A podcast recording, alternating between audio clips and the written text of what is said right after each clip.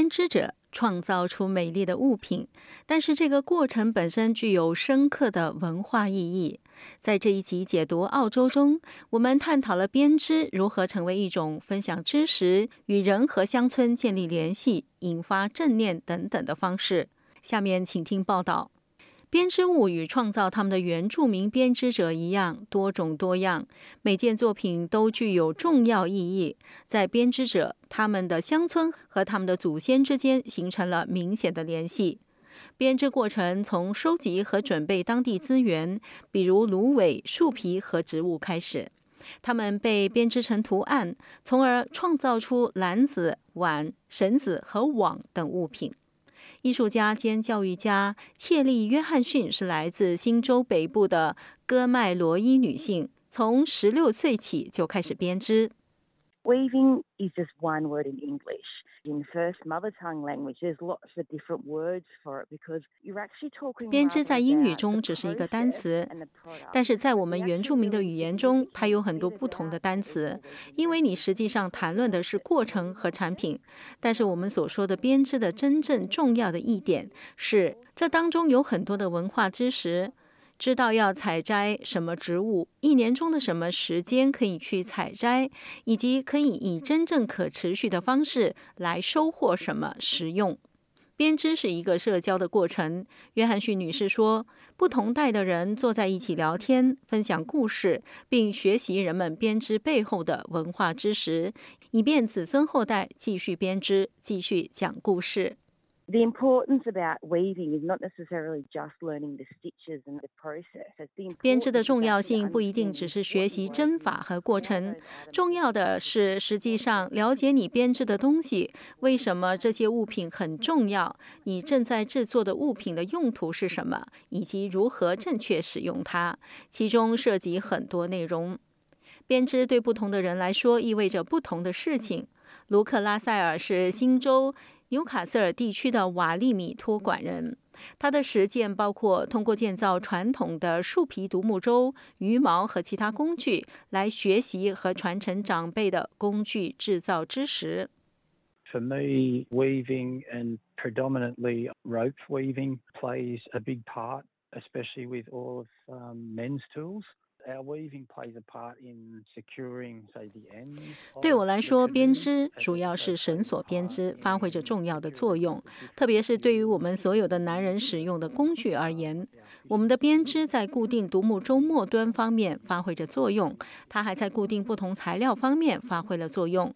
我们用它来组成我们的鱼毛。如果我们将岩石块绑起来用作毛尖、刀刃，那么这些都需要通过编织绳来固定。因此，与一些刻板印象相反，男性也参与编织。拉塞尔先生表示，传统上，男孩在母系等级制度的指导下，从幼儿期开始，一直到青少年时期，与女孩一起学习编织的技能。We had distinct roles, but that's not to say that everything was exclusively men's or exclusively women's. 我们有不同的角色，但这并不是说一切都是男性的或者是女性的。所以，对于一个年轻人，尤其是那些被教导从我们所说的男孩成长为男人的人来说，他们必须利用所有这些技能。而在那之前，他学到的所有技能都是由女性传授的。艺术家菲德纳姆来自北昆士兰卡德维尔地区的吉莱麦，他是一个传统业主，他有艺术实践，但也在家编织，享受安静的坐着，专注于他的作品的简单乐趣。I've learned from my uncle. He's taken the time to show me. 我从我叔叔那里学到了，他花时间向我展示了如何制作我们在北昆士兰使用的传统的篮子。正是从那里，我学会了如何制作、收集，如何将材料剥离成更细的碎片，并将它们设置为四种不同的尺寸，以便开始构建篮子编织。编织是一种动人的冥想，这是一种以视觉方式记录你的想法的方法。切利·约翰逊说：“真正的正念来自于有目的的做某事，并将你的想法倾注其中。” That's how our community would process things. We would process them together as a collaborative in love. 这就是我们的社区处理事务的方式。我们会以一种充满爱的协作方式，以一种真正尊重的方式，作为一个家庭一起来处理他们。这就是编织的作用。它将人们聚集在一起，坐下来编织。有时，他们只是来喝茶，和其他姐妹在一起。全国各地的草和树皮等植物资源不同，因此编织的风格也不同。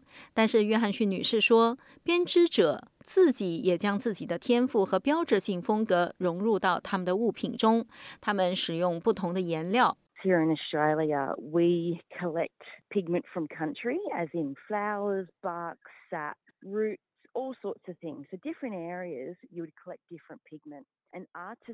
在澳大利亚，我们从乡村收集颜料，例如花朵、树皮、树枝、树根等各种东西。在不同的地区，你会收集不同的颜料。艺术家故意使用颜料为编织纤维着色，对于那个人、那个区域来说真的很重要。因此，通常训练有素的人可以根据颜料。风格、针法和材料来判断这是来自哪个区域，有时甚至是哪个艺术家的作品。编织物体的构造可以让我们深入了解编织者的特征和技能。有时你甚至可以通过观察编织物的底部来识别艺术家。尼菲·德纳姆说。Many of our artists, including myself, we start off differently. That's how you can tell from the. 我们的许多艺术家，包括我自己，我们的起点都不同。这就是你如何从编织品的基础上辨别出来，以及我们如何编织，无论是用左手还是右手。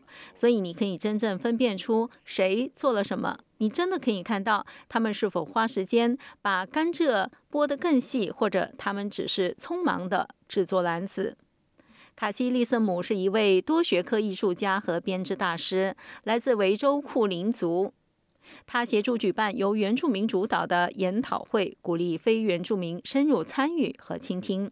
Having non-Indigenous people partake gives a greater understanding of where us as First Nations weavers. 让非原住民参加，可以让我们更好地了解我们作为原住民织布工的来源，以及我们祖先对这些物品的日常用途。但是最重要的是，他们知道这些研讨会应该由原住民来领导。他们应该意识到我们澳大利亚知识的文化知识产权的重要性。遵守协议至关重要。虽然我们可以自由地分享我们的知识，但重要的是不要利用它来谋取个人利益。此外，我们必须始终如一地认识和认可我们的原住民导师的教诲。讲习班通常是通过市议会来推动的。卡西利瑟姆说：“你可以搜索由原住民领导的编织社区和向所有人开放的编织节。” The importance of advertising. 以原住民为主导的广而告之的重要性是主要的，然后让非原住民或者边南人进来一起工作，团结起来并互相学习。有时候我通过 Instagram 发布研讨会的信息，有时也只是口口相传。编织物品现已获得主流关注。